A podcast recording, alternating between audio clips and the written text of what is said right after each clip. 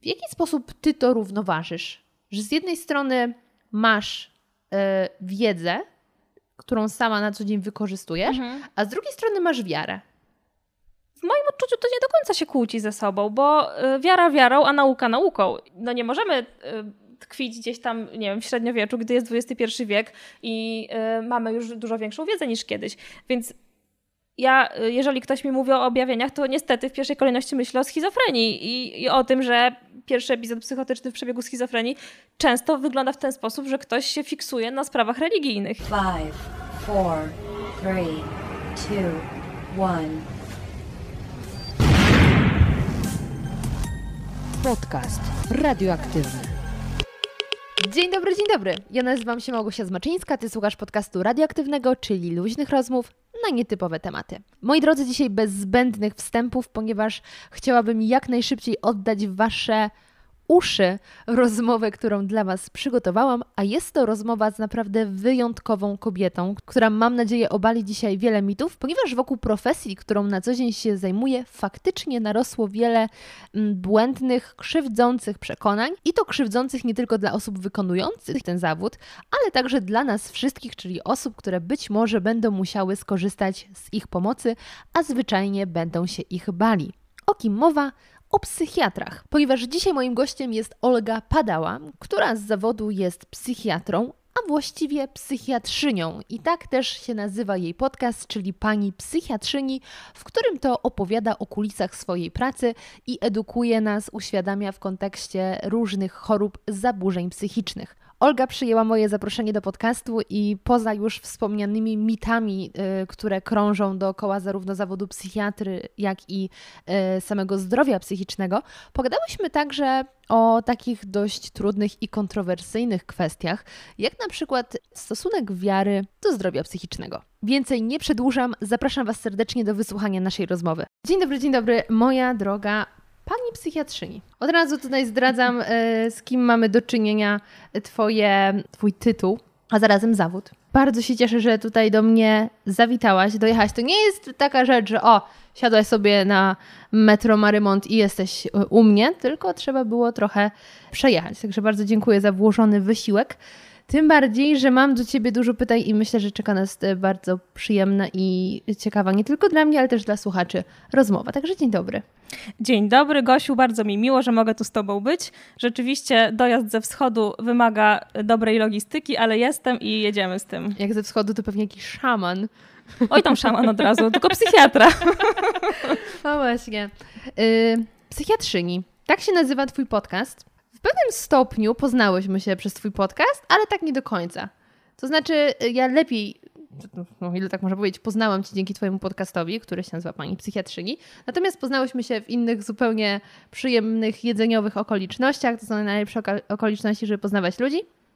I wtedy właściwie, pędząc e, jakąś trasą szybkiego ruchu w województwie zachodniopomorskim, w Wielkiej Ulewie, zaczęłaś mi opowiadać o tym, czym się zajmujesz. I ja już trochę tak wtedy sobie pomyślałam, kurde, nie wzięłam mikrofonów, a mogłybyśmy już nagrać podcast. I szczęśliwie nie musiałyśmy w tamtych warunkach nagrywać, możemy to zrobić dziś. Powiedz mi proszę, będzie takie od razu niekulturalne pytanie, bo jestem hamem.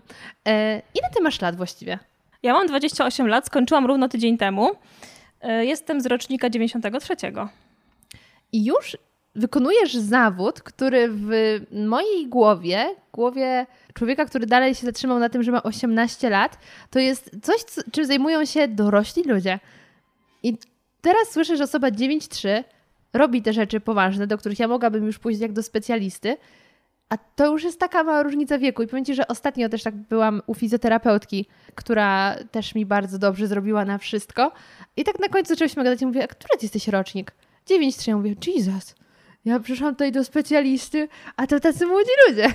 Sama nie mogę wyjść z podziwu czasami i y, mam wrażenie, że jak ktoś do mnie mówi pani doktor, to chce się ze mnie ponaśmiewać troszeczkę, bo faktycznie y, ja też jeszcze chwilami mentalnie mam 22 lata i lubię się gdzieś szlajać, włóczyć, imprezować i robić niepoważne rzeczy, ale no jednak y, nie oszuka się czasu, trzeba się już brać za poważne sprawy.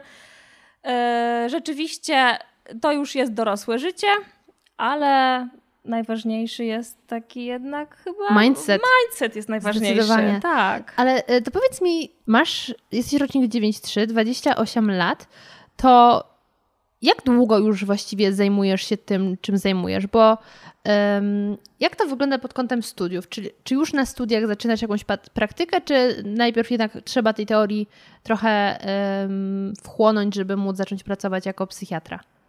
Okej, już tłumaczę. Ja y, skończyłam studia y, na Uniwersytecie Medycznym, konkretnie kierunek lekarski, w 2018 roku i podczas szóstego roku studiów już interesowałam się psychiatrią, czyli chodziłam sobie na zajęcia z koła naukowego, przygotowywałam jakieś tam prace naukowe z, z zakresu psychiatrii. I wtedy też częściej bywałam w klinice, y, żeby się jakoś tam opatrzeć w ogóle z, z, z tym, na czym polega praca w takim, a nie innym miejscu. Następnie skończyłam staż podyplomowy. Staż podyplomowy lekarza polega na tym, że chodzi się po różnych oddziałach i jakiś czas się jest na pediatrii, na chirurgii, na medycynie rodzinnej i również na psychiatrii, więc tam pierwszy raz jako lekarz pełnoprawny, można powiedzieć, pracowałam z pacjentami na psychiatrii.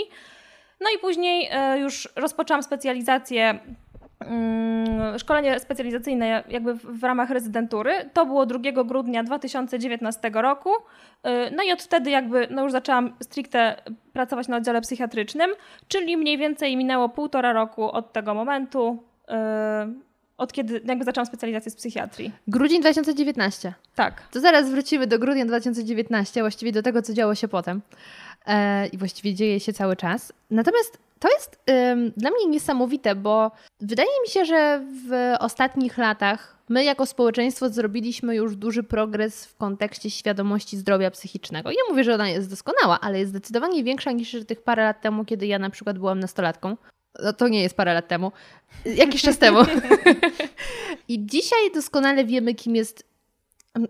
Dobra, cudzysłów doskonale wiemy, kim jest psycholog, bo ja słuchając Twojego ostatniego odcinka już miałam takie a, psycholog i psychiatra to nie jest ta sama osoba. Hejka, tutaj Gocha w trakcie montażu. Moi drodzy, upały, które wówczas panowały, zdecydowanie dały mi się we znaki, bo wcale nie chodziło mi o to, że jednak jest różnica między psychologiem a psychiatrą, tylko między psychologiem a psychoterapeutą. No nie. Mm. Okej, okay, to znaczy, że ja jednak jestem w jakimś stopniu psychologiem, chociaż nie, yy, zdecydowanie nie psychiatrą. I ponownie Gocha w trakcie montażu. Tutaj również miałam na myśli, że może jednak trochę jestem psychologiem, choć na pewno nie psychoterapeutą, bo to, że nie jestem psychiatrą, to już jest w ogóle oczywista oczywistość. I już coś tam o tej psychologii wiemy.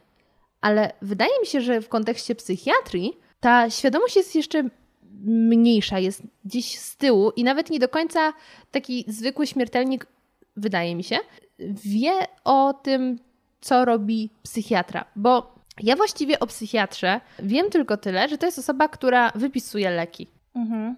I myślę, że z Twojej perspektywy jest to straszne uproszczenie tego wszystkiego.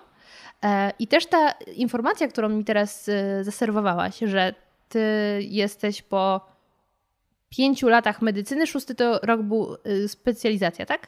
Sześć lat medycyny, siódmy rok staż podyplomowy i dopiero później się zaczyna specjalizację. Czy okay. to z chirurgii, czy z pediatrii, czy z jakiejkolwiek innej dziedziny. Okej. Okay. To znaczy, że ty jesteś totalnie lekarzem. Tak, tak. I ja wiem, że to brzmi tak w zasadzie zmaczyńska, no wow, ale ty masz niesamowicie dużą wiedzę, taką jak na przykład yy, lekarz yy, rodzinny, jak dla mnie, bo to jest ogólnie taka specjalizacja, która opiera się na tym, że wiesz wszystko z takich podstawowych mhm. zagadnień, że przychodzi ktoś do ciebie i mówi, pani doktorze źle się czuje. No i podstawowy wywiad, a nie mm, przyjrzyjmy się pana nerkom. Tylko jak już trzeba y, temat nerek, to się odsyła do specjalisty. Więc ty masz ogrom wiedzy, naprawdę e, poważnej, medycznej, a oprócz tego to się wiąże ze zdrowiem psychicznym.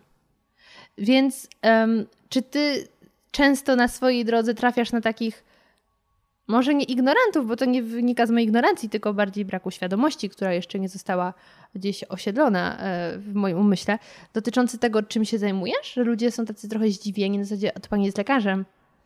Tak, zdarza się. Mm, w ogóle to jest taka dziedzina medycyny, która jest trochę yy, na uboczu. Nawet jak ja mówiłam w mojej rodzinie, że chcę iść na psychiatrię, to na przykład moja babcia mówiła, że tak może niekoniecznie, bo to tak trochę wstyd. Gdzie no jakby come on, no to jest specjalizacja jak specjalizacja i rzeczywiście y, nie każdy rozróżnia tę subtelną, w zasadzie nie subtelną, ale róż, no, różnicę między psychiatrą, psychoterapeutą, psychologiem, to wszystko gdzieś tam wrzucamy do jednego wora, dopóki się nie musimy z tym spotkać i faktycznie z pomocy tych specjalistów skorzystać i zobaczyć na czym różnica y, polega. Mhm. Także rzeczywiście, no, żeby być psychiatrą trzeba najpierw zostać lekarzem. A co dokładnie sprawiło? Jak, jaki to był moment, kiedy zdecydowałaś, że e, okej, okay, nie chcę zostać ginekologiem, nie chcę zostać e, ortopedą, chcę zostać psychiatrą? Wydaje mi się, że ten jakby tak, całe studia uważałam, że psychiatria to jest absolutnie ostatnia dziedzina, którą wybiorę, bo mi się to jakoś tak kojarzyło, no tak stereotypowo chyba, jak nam wszystkim, yy, że to jest jakiś taki brudny, brzydki szpital, yy, wariaci. Bez klamek. Bez klamek, wariaci w piżamach, w paski. W ogóle co ja bym tam miała zrobić? Jak ja mam się wobec nich zachować? No absolutnie, nie chcę tam być. No i na piątym roku mieliśmy pierwsze, yy, pierwszy kurs z psychiatrii. No i wtedy tak zobaczyłam, że to nie jest wcale takie głupie, że ten szpital wcale tak nie wygląda źle, że tam pomaga się ludziom, że oni rzeczywiście może przychodzą w złym stanie, ale często wychodzą w dobrym stanie i wracają do życia i że to jest w ogóle super. Więc tak na tym piątym roku tak było, no nie jest taka złota psychiatria, może, no może nie będę psychiatrą, ale, ale okej. Okay. W zasazie całe studia chciałam być ginekologiem. Aha, e, czyli dobrze strzeliłam. Tak, dobrze strzeliłaś, tak, to tak, patrz. tak. Byłam przewodniczącą koła naukowego, pisałam dużo prac ze zdrowia reproduk- reprodukcyjnego, prowadziłam takie programy edukacyjne z edukacji seksualnej, także dużo takich rzeczy robiłam. E, no i na szóstym roku mieliśmy kolejny kurs z psychiatrii i wówczas trafiłam na oddział e, dziecięco-młodzieżowy i tam się po prostu tyle działo dziewczyna z anoreksją, z zagrożeniem życia, ktoś tam w ostrej psychozie, coś, co się w ogóle nie kojarzy, że mała dziewczynka, no może nie mała, no ale nastolatka, dziewczynka, y, niby wygląda ok, a tak, tak bardzo wiele tajemnic się w niej kryje, że stwierdziłam, że to jest bardzo fascynująca praca, że każdy ten pacjent tak naprawdę to jest nowa historia, ja jako osoba ciekawska lubię wnikać w różne życiowe historie, a w tej pracy mogę bez żadnych skrupułów zapytać o wszystko. E, więc to jest też taki aspekt, że, że ta praca jest po prostu bardzo, bardzo ciekawa i wtedy zaczęłam się do tego przekonywać. No i plus, tak, w ginekologii jest coś takiego, że trzeba nawiązać nić porozumienia i zdobyć zaufanie pacjentki. I tak samo w pewien sposób jest w psychiatrii. Żeby dobrą mieć współpracę, to trzeba zdobyć zaufanie. Trzeba... A nie nie, nie uważasz, że nawet bardziej niż nie, że w pewien sposób, tylko o wiele bardziej musisz zdobyć to zaufanie, bo jednak no, z ginekologiem jest tak, że wiesz, no, no mało y, komfortowe warunki, ale też można przemilczeć tą wizytę i jakoś to będzie. E, natomiast w przypadku y, psychiatry, no nie możesz przemilczeć tej wizyty, bo nic z tego nie wyjdzie. Zgadza się. Y, rzeczywiście dużo bardziej ta relacja jest ważna, ale to tym lepiej dla tego zawodu. W tym kontekście, że to jest coś, co mi się podoba, coś, co mhm. wydaje mi się całkiem dobrze mi wychodzi. Okej. Okay. E, no to ciekawe, to powiem Ci, że y, ja w ogóle kiedyś chciałam być lekarzem i idąc na biochem tak sobie myślałam, o, będę chirurgiem. Wszystko przed Tobą. Zdecydowanie nie, bo się oglądam chirurgów i dlatego chciałam być lekarzem. Okay. Myślę, że to wiele osób wtedy przechodziło przez to. Um, I teraz widzę, że ta psychiatra, psychiatria być może byłaby właśnie czymś dla mnie, bo ja też jestem gadułą, jak zapewne zauważyłaś. E, I tu jest ten e, element ludzki taki bardzo mocny, większy niż w przypadku e, innych dziedzin. No dobrze, to teraz wróćmy do tego grudnia 2019 roku. Zaczynasz sobie pracę, już taką bardziej y, wyspecjalizowaną. Przez miesiąc sobie chodzisz na oddział. Jeszcze sobie kolejny miesiąc chodzisz na oddział. Jeszcze może tak z pół miesiąca chodzisz na oddział i koronawirus. No porobiło się, rzeczywiście. To było tak, że my wróciliśmy, jakby ja miałam chwilę, chwilę urlopu, pojechałam sobie do Izraela z, ze znajomymi. Wrócimy do Izraela. E, tak, jakoś tak było, że 8 marca wróciliśmy z tego Izraela, jakby jeszcze lecąc się śmialiśmy, że oho, ho, koronawirus, a wracając tak, wpuszczą nas czy nie wpuszczą? Weź, weź nie smarkaj, weź nie, nie, tak, weź po prostu udawaj, że jesteś w pełnym zdrowiu, nawet jeżeli nie jesteś, bo musimy dojechać do domu i to była niedziela. W poniedziałek jeszcze byliśmy normalnie w pracy, we wtorek byłam w pracy, miałam studentów i dostałam telefon y, gdzieś tam mając dyczur na izbie przyjęć, tu pacjent, tu studenci, że słuchaj, y, uczelnia każe natychmiast wyrzucić studentów w ogóle z zajęć i proszę wypuść studentów do domu i, i, i zaraz będziemy myśleć, co z tym wszystkim zrobić. I faktycznie wszystko się wywróciło do góry nogami. Musieliśmy przeorganizować pracę. jakby no, ograniczone zostały odwiedziny u pacjentów, co na oddziale dziecięco-młodzieżowym, gdzie wówczas pracowałam, jest dość istotną kwestią. E, dużo więcej, e, że tak powiem, nawet zachodu z przyjmowaniem pacjentów, zrobieniem testów, izolowaniem, e, później odsyłaniem ich, jeżeli jest potrzeba, na ewentualnie na oddziały zakaźne. Także rzeczywiście dużo się zmieniło. A już tak w ogóle globalnie, no to bardzo koronawirus wpłynął na zdrowie psychiczne, no ale to już jest taki temat, myślę, do, do osobnego omówienia. Tak. To do tego, jak bardzo się to zmieniło, zaraz dojdziemy w sensie jak duży wpływ to, to miało. Ale tak sobie myślę, że to chyba była taka bardzo duża szkoła życia, nie? Przyspieszony kurs zawodu. Trochę tak, dlatego że yy, my w ogóle uruchomiliśmy, yy, uruchomiliśmy taką linię pomoc w kryzysie, E, która polegała na tym, że e, mieliśmy dyżurne telefony i ludzie po prostu mogli do nas za darmo dzwonić po to, że no jakby, no wiadomo jak było rok temu, czy, czy nawet troszkę ponad rok temu, była wielka niewiadoma, lęk, strach, niepewność. Ludzie mogli dzwonić, wygadać się, porozmawiać i to też była forma w ogóle takiego pierwszego indywidualnego kontaktu z osobą, która pomaga, po, która wymaga pomocy tu i teraz. Mhm. E, no dobrze, to zróbmy teraz kilka kroków do tyłu. I powiedz mi, bo powiedziałeś, że mogli do Was dzwonić ludzie. To na ile od rozmów o problemach jednak jest psychoterapeuta, a na ile to już jest psychiatra? Gdzie jest ta granica? Bo no ja mam doświadczenie już z psychoterapeutą, mhm. z psychiatrą być może jeszcze nie miałam. Mhm. E, jesteś pierwszym, którego spotkałam na swojej drodze, także bardzo miło.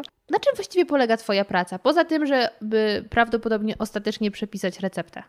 Moja, to też trzeba rozróżnić powiedzmy szpital i, y, i oddział, ale okej, okay, uogólniając, praca polega na tym, że spotykamy się z człowiekiem, który przychodzi do nas z problemem albo zostaje do nas przysłany z problemem, bo nie zawsze to jest tak, że ktoś z własnej woli pojawia się o, tak. w szpitalu, powiedzmy, nie? E, my musimy go dokładnie zbadać, poznać y, od takich prozaicznych rzeczy jak dane osobowe, wiek, y, zawód, wykształcenie, z kim dana osoba mieszka, jakie z kim ma relacje, czym się zajmuje, co lubi, czego nie lubi, czy choruje na jakieś inne choroby, czy ma jakieś nałogi. No i później już przechodząc konkretnie do tego problemu, z czym się do nas zgłasza czyli, lub... Czyli, ale czy w ramach badań, nie wiem, jak jest w szpitalu, to robicie mu jakąś morfologię i tak dalej? Tak, jasne, A, jasne, że tak. Też, no, okay. Tak, tak. Jakby... Przegląd organizmu. Oczywiście. Mhm. Badania na wstępie muszą być i badania fizykalne, także to nie jest tak, że psychiatra nie umie obsługiwać stetoskopu. Umie. Sześć lat to się, tego się uczy. Tak. Także nie, nie, nie. Jak najbardziej y, ten aspekt somatyczny też jest ważny, mhm. szczególnie, że w, w, niektórych chorobach psychicznych mamy też objawy somatyczne, tak? Gdzieś tam przy jakichś zaburzeniach lękowych czy przy depresyjnych pojawiają się też czy, czy bóle brzucha, czy bóle głowy, mhm. czy tam szereg innych rzeczy. No ale to już mniejsza o to. Czyli tak, najpierw sobie rozmawiamy, zbieramy wywiad, to jest badanie psychiatryczne. Jak, jak ktoś śpi, jak ktoś funkcjonuje, y, jakby jaki ma nastrój, czy ma myśli samobójcze, czy ma jakieś, y, czy wypowiada jakieś treści urojeniowe. Generalnie no, z czym się do nas zgłasza. Następnie po dłuższej lub krótszej obserwacji decydujemy, jak, y, jaka forma leczenia będzie dla niego odpowiednia. I zaczynamy, no różnie bywa, bo jakby chorób jest wiele. Farmakoterapia to jest jedna z metod, ale oprócz tego musimy też zaplanować inne formy wsparcia, czy to psychoterapię, mhm. czy to jakieś bardziej krótkotrwałe wsparcie psychologiczne, czy na przykład mm, jakieś działania mające na celu y, integrację danego człowieka, y, jakiś, jakąś taką rehabilitację społeczną. I jakby naszym zadaniem jest właśnie dać leki i skierować do odpowiednich czy ośrodków, czy specjalistów po to, żeby to wszystko szło ze sobą razem. Bo dopiero wtedy z reguły mamy szansę na jakiś sukces terapeutyczny. Okej, okay. ale powiedz mi, czy na etapie tego wstępnego wywiadu ty wchodzisz w trochę w rolę takiego psychoterapeuty? Czasami trzeba. Powiem ci na, dan- na przykładzie. E, Najlepiej. Miałam ostatnio w gabinecie taką sytuację, że przyszła do mnie y, pani w bardzo złym stanie psychicznym, y, no zapłakana, myśli samobójcze, plany samobójcze było to wszystko na tle jakichś tam rodzinnych konfliktów, powiedzmy, i pani zmagająca się z, yy, z uzależnieniem. I ja miałam bardzo dużą obawę, że jak ja jej jakoś w tym momencie nie ogarnę, to było w przychodni, to nie było w szpitalu. Yy, no to po prostu ona pójdzie i pierwsze co zrobi, no to po prostu wróci do tego swojego uzależnienia. Mhm. Że wejdzie do żabki, kupi połówkę i tak to się skończy. Więc mówiłam tak, albo pani pojedzie do szpitala, albo piszemy skierowanie, albo wołam karetkę i pani jedzie, no albo ona no, bardzo się broniła przed tym, że ona w tym momencie, ten szpital jej w niczym nie pomoże, wręcz odwrotnie, no może jej tylko zaszkodzić, bo nie poukłada sobie spraw, które powinna w tym momencie poukładać. Mhm. I wtedy musiałam naprawdę stanąć na wysokości zadania, wzmocnić ją, omówić te wszystkie rzeczy, wskazać różne drogi, którymi może pójść, tak żeby ona się uspokoiła i żeby jakoś tak, żebym mogła z czystym sumieniem ją do tego domu w ogóle wypuścić z powrotem. No ta wizyta trwała dwa razy dłużej niż powinna, no ale y, myślę, że, y, że dobrze się stało. I, I czasem tak trzeba po prostu. A czy to już jest w ramach Twojej prywatnej praktyki, czy NFZ? To akurat była wizyta w prywatnej placówce. Okej. Okay. To pewnie y, pacjenci w kolejce trochę. Narzekali. Była ostatnia. Była Uf, ostatnia. To dobrze, bo to tak. czasem jak człowiek siedzi na tej, y, tej kolejce i się przedłużają wizyty, to już też mroczne myśli się pojawiają, ale w stosunku do osoby, y, lekarza, na, którą się, y, na którego się czeka. Y, okej, okay, czyli czasem musisz podejść do tematu bardziej indywidualnie. W sensie, no zawsze to jest mhm. indywidualne podejście, mhm. ale nie na zasadzie wywiad, recepta. Albo wywiad, środki zapobiegawcze. Oczywiście, czasem mhm. nie trzeba dawać recepty, czasem sama rozmowa wystarczy. Hmm. Przychodzi ktoś w jakimś kryzysie z problemem. Trzeba umieć to nazwać, co aktualnie ta osoba przeżywa, powiedzieć z czego to wynika i pokazać różne opcje, jak sobie można z tym poradzić. I to nie zawsze są leki. Są takie sytuacje, kiedyś ktoś przychodzi, rozmawiamy, yy, jakby omawiamy sobie yy, przyczynę, skutek i możliwe dalsze drogi, i ktoś wychodzi bez recepty, a jest bardzo zadowolony i ma takie poczucie, że no pomogła mi pani. Mhm. No tak, nazwanie też sytuacji jest czasem bardzo ważne, ale to Twoim zdaniem lepiej, kiedy czujemy, że coś jest nie tak z naszym organizmem pod kątem psychiki, najpierw pójść do psychoterapeuty, czy najpierw pójść do psychiatrii, do psychiatry? Myślę, że y, tam, gdzie nam się łatwiej dostać, tam możemy pójść, czy do psychologa, czy do psychiatry, czy do psychoterapeuty, bo mam takie poczucie, że mądry dany specjalista tak, z zakresu zdrowia psychicznego, jeżeli uzna to za stosowne, to skieruje do kolegi mhm. w innym gabinecie. Poczuje, że to nie jest jego działka, albo jeszcze mhm. nie jest jego działka. Mhm. Okej. Okay. E, powiedziałaś, że czasem właśnie dane schorzenie, tak, zaburzenie, mhm. trzeba nazwać. Ile mamy w tym momencie opisanych zaburzeń psychicznych i czy zaburzenia psychiczne to jest też to samo co choroba psychiczna? Nie do końca. Y, możemy powiedzieć, że zaburzenie to jest to samo co choroba. Mhm. Też czasami staramy się nie nazywać czegoś chorobą, po to, żeby nie stygmatyzować. Mhm. Nie potrafię Ci dokładnie powiedzieć, ile z nich jest opisanych. To trzeba było zajrzeć do klasyfikacji ICD-10, bo tam tak naprawdę każdy jeden, każde jedno zaburzenie czy choroba ma swój inny, osobny kodzik, to ciężko byłoby to wszystko zliczyć. No takie są główne choroby, y, które się kojarzą z psychiatrią, tak, czyli schizofrenia, depresja, choroba afektywna dwubiegunowa i zaburzenia lękowe, zwane, zwane też nerwicami. No i gdzieś tam też, no nie powiem, że poboczne tematy, bo to nie są poboczne, ale też jakieś tam inne, czy kwestie uzależnień, czy zaburzenia osobowości. No to tutaj już długo by mówić, bo, bo one rzeczywiście są bardzo liczne, y, ale... Ale tak pi razy mhm. drzwi. Czy mówimy tutaj mhm. o dziesiątkach, setkach czy tysiącach opisanych różnych rzeczy. Jakby się tak wgłębiać co do każdego jednego małego zaburzenia, to myślę, że można powiedzieć i o setkach, mhm. Y, ale o takich, które realnie spotykamy w swojej praktyce, no to raczej, to raczej w dziesiątkach. Czy często zdarzają się błędne diagnozy na zasadzie, że te choroby są na tyle podobne, że czasem leczy się nie to, co się obstawiało? Jak najbardziej. Ja zawsze mówię, że diagnoza w psychiatrii nie, tr nie trwa jeden dzień, dwa, nie trwa tydzień i nie trwa miesiąc z mhm. reguły, mhm. tylko żeby faktycznie postawić rozpoznanie, to czasami potrzebne jest kilka lat. Bo są wspólne cechu, cechy, chociażby zaburzenia y, osobowości typu borderline i choroby afektywnej dwubiegunowej. Są wspólne cechy schizofrenii i choroby afektywnej dwubiegunowej. Czasami e, tak naprawdę ktoś, kto choruje na chorobę afektywną dwubiegunową, przez wiele lat jest leczony po prostu na depresję, bo gdzieś tam jest nie, niedopowiedziane yy, czy nie, niedopytane o te epizody manii czy hipomanii. Także rzeczywiście ta diagnoza trwa długo. Natomiast tutaj bardziej, mając konkretny problem, staramy się dobrać leki pod ten, pod ten konkretny problem, pod te konkretne objawy i też widząc reakcję na to leczenie, możemy yy, z większą z większym prawdopodobieństwem powiedzieć, co to jest za choroba, Mhm. co to jest za jednostka. Ale tutaj najważniejsze jest jednak pomóc człowiekowi, a nie mu w tym momencie powiedzieć, że to jest ten F20 czy F32, czy, czy jeszcze jakiś tam inny numerek z, z, z klasyfikacji. Mhm. Ale zastanawiam się trochę, na jakiej zasadzie ym, wygląda dobieranie leczenia. Bo to jest w dużej mierze farmakologia. Mhm. Ale czy to jest tak, że masz e, kapsułki z napisem borderline i drugie kapsuł, kapsułki innego, innej powiedzmy firmy z napisem e, choroba dwubiegunowa? Co to znaczy odpowiednie leczenie? Bo też Mhm. y, nawet ostatnio słuchałam wywiadu z osobą chorującą na depresję, która mówi, że e, ma problem z dobranych, dobraniem dobrych leków Mhm. i ciągle od wielu lat nie może dobrać dobrych leków. Co to właściwie oznacza? Kiedy wiadomo, że lek jest dobry, poza tym, że no teoretycznie działa, ale dlaczego jeden miałby działać, a drugi nie? Dlatego, że może być właśnie różna natura konkretnych zaburzeń. E, Leki w psychiatrii e, też możemy podzielić na różne grupy. Są leki przeciwpsychotyczne, czyli takie, które wpływają właśnie na objawy psychotyczne występujące w schizofrenii czy w chorobie afektywnej dwubiegunowej. Psychotyczne, czyli wytwórcze, omamy, halucynacje, Głosy. g- znaczy to, to samo, e, urojenia, i, e, nie wiem, jakieś tam echo myśli, nasyłanie myśli, jakby jest, jest tego troszeczkę.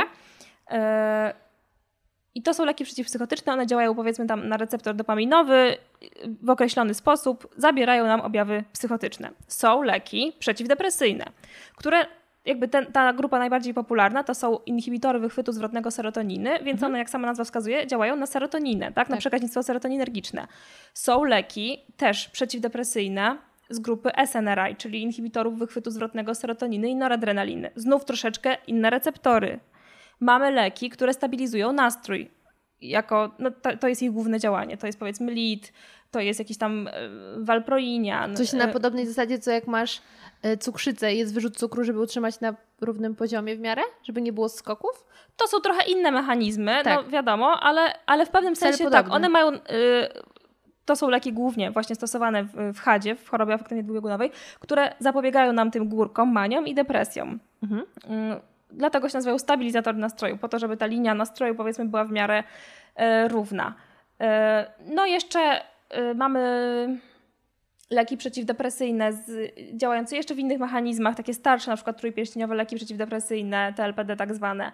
Mamy leki jeszcze oddziałujące mm, na jakieś tam inne, no już, już nie chcę mi się tego w tym momencie y, tłumaczyć, bo to Mhm. może nie jest aż tak istotne, więc generalnie najprościej mówiąc, są objawy psychozy, dajemy leki przeciwpsychotyczne. Jeśli jest do tego komponenta taka, że jest na przykład obniżony nastrój, myślimy o dodaniu leków przeciwdepresyjnych. Jeżeli mamy chwiejny nastrój, myślimy o tych lekach, które stabilizują nastrój. Mamy zaburzenia snu, dajemy takie leki, które oddziałują na przykład na wyrównanie rytmu dnia, y, rytmu takiego dobowego, czy, czy pomagają po prostu zasypiać najzwyczajniej w świecie. Na tym polega dobieranie leków. Nie wiem, to jasne jest w miarę? Tak jak Mhm. to tłumaczę? Tak, tak, tak. Czy do przepisania odpowiednich leków też jest w jakimś, w jakimś stopniu e, potrzebne, są potrzebne wyniki krwi? Jakaś morfologia czy coś? Na zasadzie sprawdzacie ilość danych rzeczy? Bo ja nie wiem, czy na przykład da się zbadać em, ilość serotoniny? Nie robi się rutynowo tego typu badań. Yy, Generalnie czasami jest takie wskazanie, żeby zbadać yy, pewne parametry przed włączeniem leczenia, yy, chociażby dlatego, żeby uniknąć działań niepożądanych, czy na przykład zrobić EKG, bo niektóre leki psychiatryczne wpływają na yy, pracę serca i wówczas, żeby unikać ewentualnych yy, powikłań takich kardiologicznych, czasami musimy zbadać sobie lipidogram, czyli mm, poziomy yy, nie wiem, cholesterolu, po to, żeby, bo na przykład leki mm, przeciwpsychotyczne bardzo oddziałują na profil lipidowy, yy, więc jakby po to te badania robimy. Też czasami objawy yy, depresji wynikają z niedoczynności tarczycy i wówczas bardzo ważne dla nas jest o oznaczenie TSH i hormonów tarczycy. Yy, I tak dalej, i tak dalej. Także tak, badania krwi są potrzebne. Nie zawsze, jeżeli jest młoda, zdrowa osoba, no to nie musimy koniecznie tam non-stop jej kłuć i, i badać, ale y, w takim dłuższym leczeniu jak najbardziej y, to jest istotne. Jeszcze wrócę do tego, o co pytałaś, o, to, o dobieranie leków, bo znów chciałabym na danym przykładzie powiedzieć. Ktoś jest leczony na depresję, dostaje leki powiedzmy z grupy SSRI, czyli no to jest ten pierwszy wybór nasz inhibitor wychwytu zwrotnego serotoniny i te leki na niego nie bardzo działają. I chodzi od lekarza do lekarza, i faktycznie tutaj szału nie ma cały czas. I w końcu na przykład ktoś wpadnie na to, że może ta depresja nie jest tą, depres- nie jest tą chorobą jednobiegunową, czyli tylko depresją, tylko, ma, tylko to jest element y, obrazu HAD-u, choroby afektywnej dwubiegunowej. Y, I da takiemu pacjentowi stabilizatory nastroju. I wówczas się okazuje, że no bingo, o to chodziło, że natura tego zaburzenia u danej osoby jest trochę inna, trzeba dać leki działające w innym mechanizmie i wtedy rzeczywiście one są dobrze dobrane i mają prawo działać. Czyli może się okazać, że to, co było stanem maniakalnym, nie było w ten sposób interpretowane, że to uznawano za chwilową poprawę, powiedzmy, nastroju? Tak, pacjent, no w Mali to widzimy, że ktoś jest chory, ale jak ktoś ma epizody hipomaniakalne, to on wcale nie musi wyglądać na chorego, on się może doskonale czuć i psychiatra to jest ostatnia osoba, którą on w danym momencie potrzebuje odwiedzić. Nie, nie ma takiego poczucia. Bo to jest tak naprawdę, hipomania jest dla wielu osób przyjemnym stanem.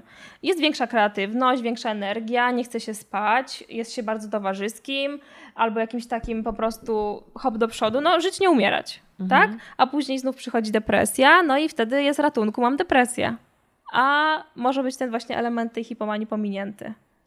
Ja powiem Ci, że y, właśnie słuchając odcinka o... Yy, to jest choroba dwubiegunowa, tak? Tak. Jeśli jest mania mhm. i... Okay. Tak. E, słuchając tego odcinka, słuchałam na takiej zasadzie, Boże, czy ja, czy ja się zaraz określę jako osoba z tym problemem? Czy to jest o mnie?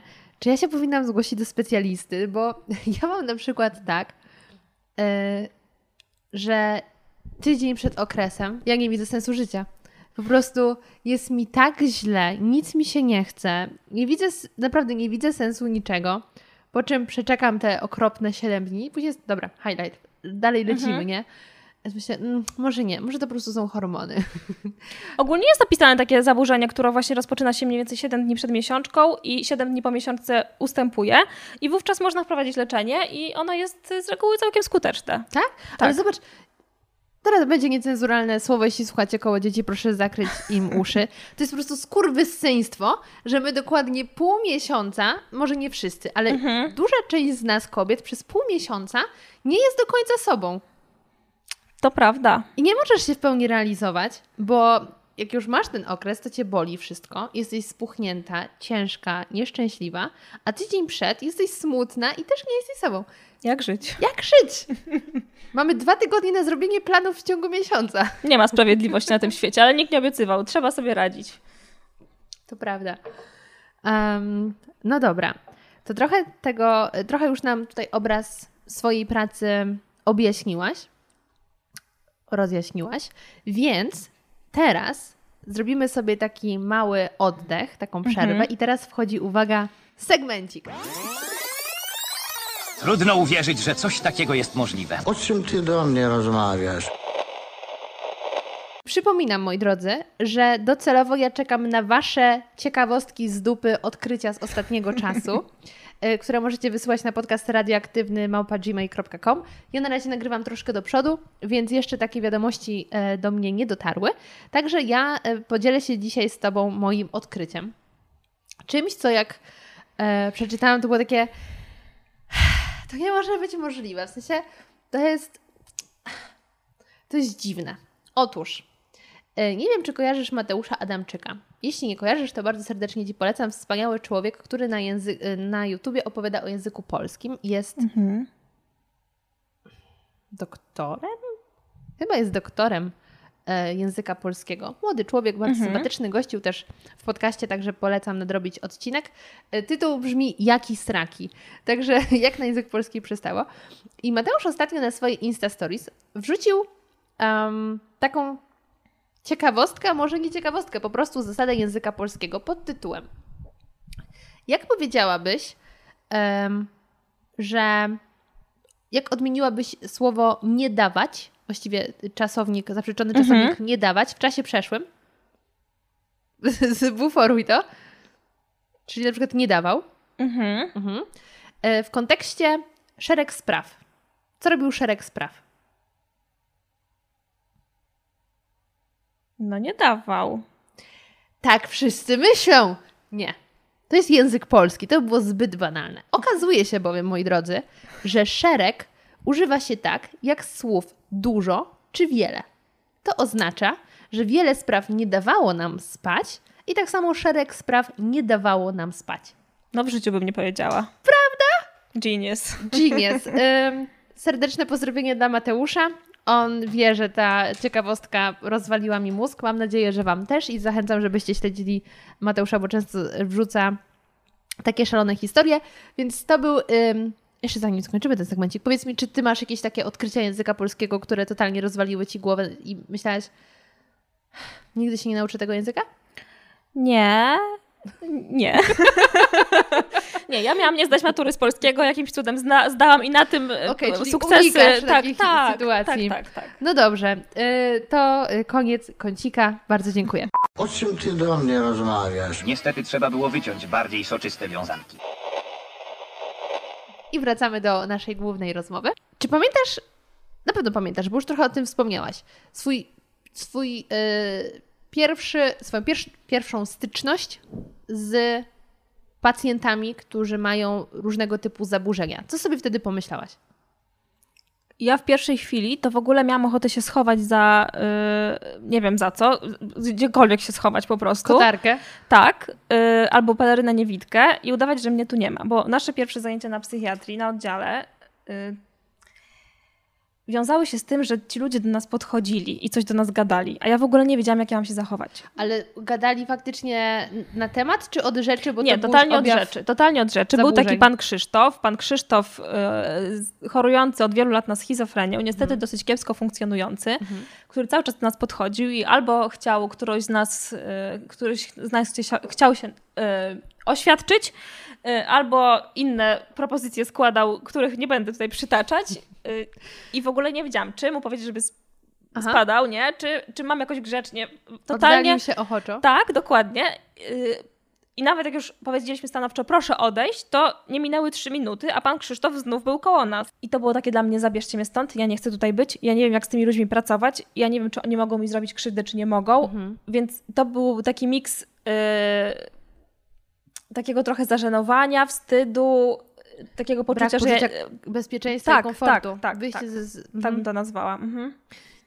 to zupełnie jest inny level tego doświadczenia. Natomiast ja podobnie czułam się, podobnie, bo to jest zupełnie inny level, e, kiedy chodziłam po ulicach Paryża. To wtedy Mhm. mnie najbardziej tam e, tak poruszyło i mijało mnie mnóstwo, no ja to tak nazywam jak laik, w sensie potoczne określenie, takich obłąkanych ludzi. Tam jest bardzo duży mm, odsetek bezdomnych.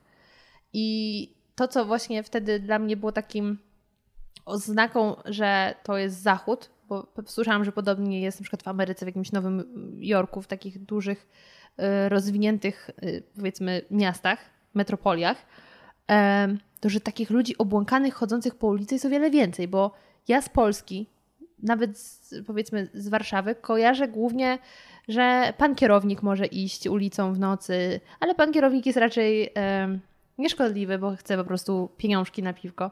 Em, no albo jakiś Seba w dresie. Ale Seba w dresie czy yy, cudzysłów Menel to nie są osoby, których bym się aż tak bała, albo no oczywiście każdy może być zagrożeniem, jak się już nas słucha, posłucha podcastów kryminalnych, ale to było takie bardziej przyziemne.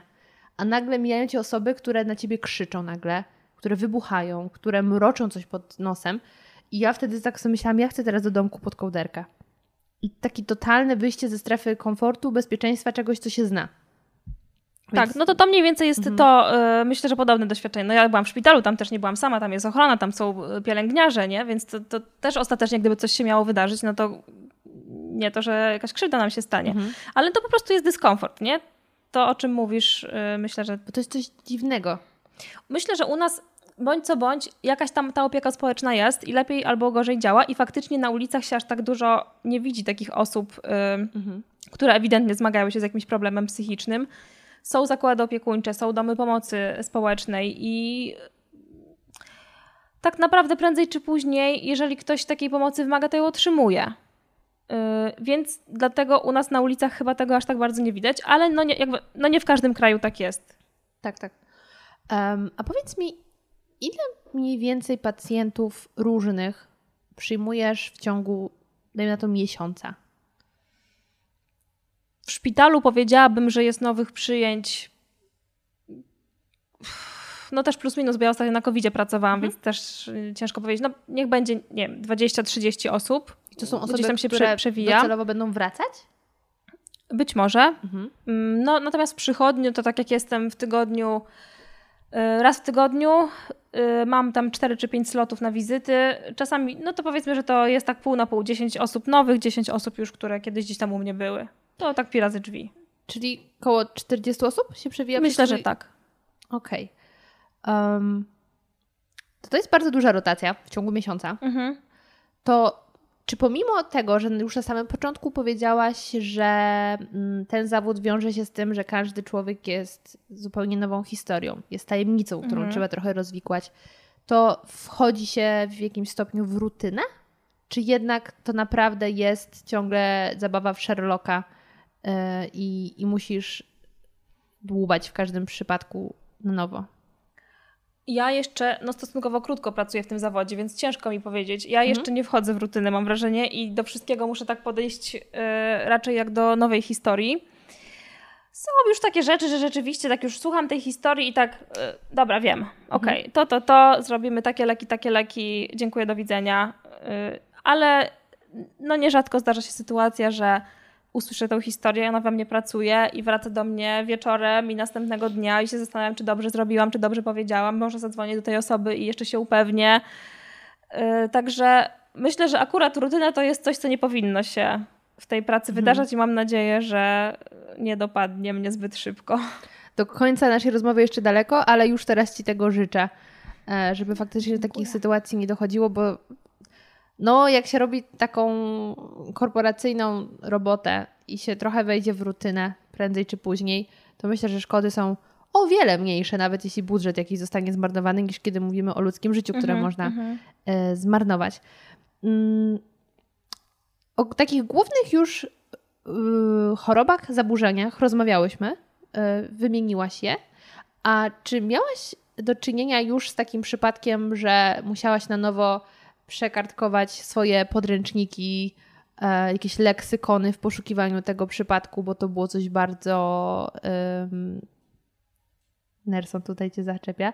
E, bardzo rzadkiego. Wspomnę o takim przypadku pacjenta z kleptomanią, bo to też się nie zdarza zbyt często. Był to młody chłopak, który e, gdzieś tam coś ukradł z centrum handlowego, gdzieś tam coś w szkole ukradł komuś. No i trafił na diagnostykę, powiedzmy, e, na oddział dziecięco-młodzieżowy. Ja wtedy byłam chyba na szóstym roku studiów, chodziłam na koło naukowe i pochyliłam się nad tym przypadkiem i, i po to, żeby go też opisać później w ramach e, artykułu naukowego. Rzeczywiście wydaje mi się, że nie tylko dla mnie, ale dla personelu e, ówczesnego na tym oddziale też to był przypadek chyba pierwszy albo jeden z niewielu, które, z którymi się spotkali. To jest w ogóle ciekawy case, bo dopiero jak ty powiedziałeś kleptomania, to tak sobie myślę, w tym słowie jest mania. Em, to faktycznie jest poważny przypadek, nie w zasadzie ktoś, jak to było w Kevinie, e, złodzieje lepkie ręce. To jest poważny przypadek, dlatego że mm, to nie jest tak, że jest sobie złodziejaszek, który po prostu e, chce sobie zarobić i, i idzie coś ukraść, tylko to jest zaburzenie kontroli impulsów, czyli ktoś, żeby rozładować swoje napięcie wewnętrzne, musi pójść i coś komuś zabrać. Jakby wbrew swojej woli. To nie jest złośliwe, e, tylko to jest swego rodzaju no, taki przymus wewnętrzny, nie? Żeby, żeby pójść i ukraść. I to się wiąże z tym, no jakby z dużymi problemami prawnymi później, tak? Że, że no przecież za to można zostać ukaranym. E, no to nie jest normalne, że ktoś chodzi po sklepach i kradnie, tak? A powiedz mi, czy to w jakimś stopniu wiąże się z tym, że ta osoba też potrzebuje adrenaliny? Czy ten mm, moment tego występku, nazwijmy to tak, wywołuje w nim adrenalinę, czy to już zupełnie nie ma Czy adrenalina emocji? nie, ale w, w pewnym biologicznym mechanizmie jakieś takie poczucie ulgi i przyjemności tak. Niesamowite. To tak jak niektórzy um, rzucają się na jedzenie, Mhm. to tutaj się ten... Um, Tak jak ktoś e, ma przymus grania w gry, w sensie mam na myśli hazard, nie? Że też e, czu- odczuwa tą przyjemność przy, nie wiem, rzucaniu nie, nie znam się na tych grach wszystkich w kasynie, ale Jednoręki bandyta na, na, przykład. na przykład, tak? Mhm. Klikaniu jakiegoś tam klawisza i to też jest jakieś rozładowanie napięcia, to jest ten moment przyjemności, wygram, nie wygram. Jest wielka szansa, że wygram. No niewielka, ale w, w umyśle takiej osoby zawsze ta Tylko szansa i ta nadzieja jest, jest, tak. tak. I to już teraz się odegram, nie? To yy, w pewien sposób podobne uczucie może przyjemności powodować właśnie to za, zabranie czegoś. A czy to choroba spowodowała, że człowiek zaczyna to robić? Czy zrobienie tego doprowadziło do choroby? Myślę, że choroba spowodowała to, że zaczął kraść w tym konkretnym przypadku. Tylko czy to jest tak, że on za pierwszym razem ukradł, bo miał na to powiedzmy ochotę? Takim bardzo, wiesz, Mhm. cudzysłów duży. Myślę, że nie. Myślę, że nie. Okej. Bo wiesz, bo się zastanawiam, czy to nie było tak, że raz coś takiego zrobił i wtedy sposób się kliknęło, uzależnił. że tutaj, Mhm. że na to się przełożyła ta mania, że gdyby spróbował hazardu, może by poszedł w hazard. Być może, tego nie jesteśmy w stanie e, w tym momencie określić, ale to po prostu gdybyś zaczęła tego chłopaka, to byś zaczęła, że tam nie ma ani grama e, Zła. zła. Mhm. No biedne małe dziecko po prostu. Okej. Straszne. Mhm. Też, no też, to też trochę się z domu bierze, nie? Bo jak zobaczyliśmy to środowisko rodzinne, no to pozostawia wiele do życzenia. Czyli z kolei środowisko mogło wpłynąć na rozwój choroby. Mhm. Że też się nie wzięła sama z siebie, Mhm, że mhm. Mhm. ludzki organizm to jest po prostu tak złożone urządzenie. To prawda. I jeszcze bardzo wielu rzeczy nie wiemy i długo się nie dowiemy. E, Dobrze, czyli to był taki jeden z mniej popularnych mm, Przypadków. przypadków Mhm. zaburzeń, z którymi miałeś do czynienia. A który z kolei przypadek czasem myślisz o nim do dzisiaj? Że tak, tak mocno dziś w tobie e, się zakleszczył. To była dziewczyna y, anorektyczka, 14-letnia może, która przyjechała w, no, w absolutnym zagrożeniu życia.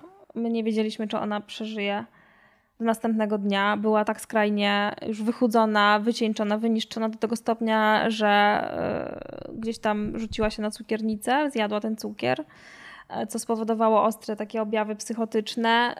Y, Po prostu to, jak ona krzyczała, jak ona się szarpała, to chyba mi zostanie na zawsze w pamięci. Taki obraz faktycznie, jak do, do czego się można doprowadzić, plus do czego może doprowadzić ignorancja ze strony znów rodziny, niestety, no bo y, jak, no taka jest prawda. I ja pamiętam, że ja wyszłam wtedy, to też było na szóstym roku studiów. Ja wyszłam y, już z tych zajęć, coś tam jeszcze czymś zajęłam, ale wieczorem y, przy takiej chwili ciszy i spokoju po prostu się popłakałam. Bo dla mnie to było takie doświadczenie, że no po prostu no anoreksja jest, to nie jest choroba, która spada na człowieka jak grom z jasnego nieba. To się rozwija. Tak, to się rozwija i na to się trzeba napracować. Że tak powiem, powiedz mi coś, czego nie wiem. No, może ty wiesz, nie? Ale, Been there, done ale, that. Mhm. ale i, i co? I się okazuje, że można umrzeć po prostu Mhm. na własne życzenie. Można. Ja powiem Ci, że pamiętam w takim moim najgorszym momencie, Mhm. kiedy przy moim wzroście mam 1,79 m, ważyłam 45 kg. E, I to znowu, to było w Paryżu. Dzisiaj Paryż jest sponsorem tego odcinka. Em, I ja wracając metrem do mieszkania, w którym mieszkałam, po całym też dniu łażenia, ale oczywiście nie jedzenia, bo po co, e, opierałam się tak siedząc w tym, tym wagonie i tak myślałam, Boże, ja nie mam siły wstać, ja po prostu zostanę sobie w tym wagoniku. Niech się dzieje co chce, ja już po prostu mam dość. I czułam, jak mocno zaczynało bić mi serce na takiej zasadzie e, no jak jesteś wycieńczony czymś, to zaczyna ci bić serce. I ja to odczuwałam właściwie codziennie i taka taki brak energii życiowej. I jak powiedzia- e, właśnie w tym odcinku, którym o- o- omawiasz powiedzmy jaki, y, przypadek anoreksji w podcaście, powiedziałaś, że 10% jest y, śmiertelny Tak, tak się szacuje. to kurde straszne.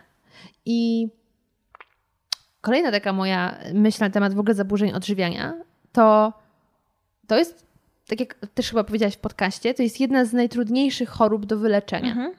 bo dajmy na to alkohol możesz unikać. Oczywiście to jest duże uproszczenie, że możesz unikać, ale alkohol jako sam produkt no, nie jest potrzebny do życia. Jedzenie jest.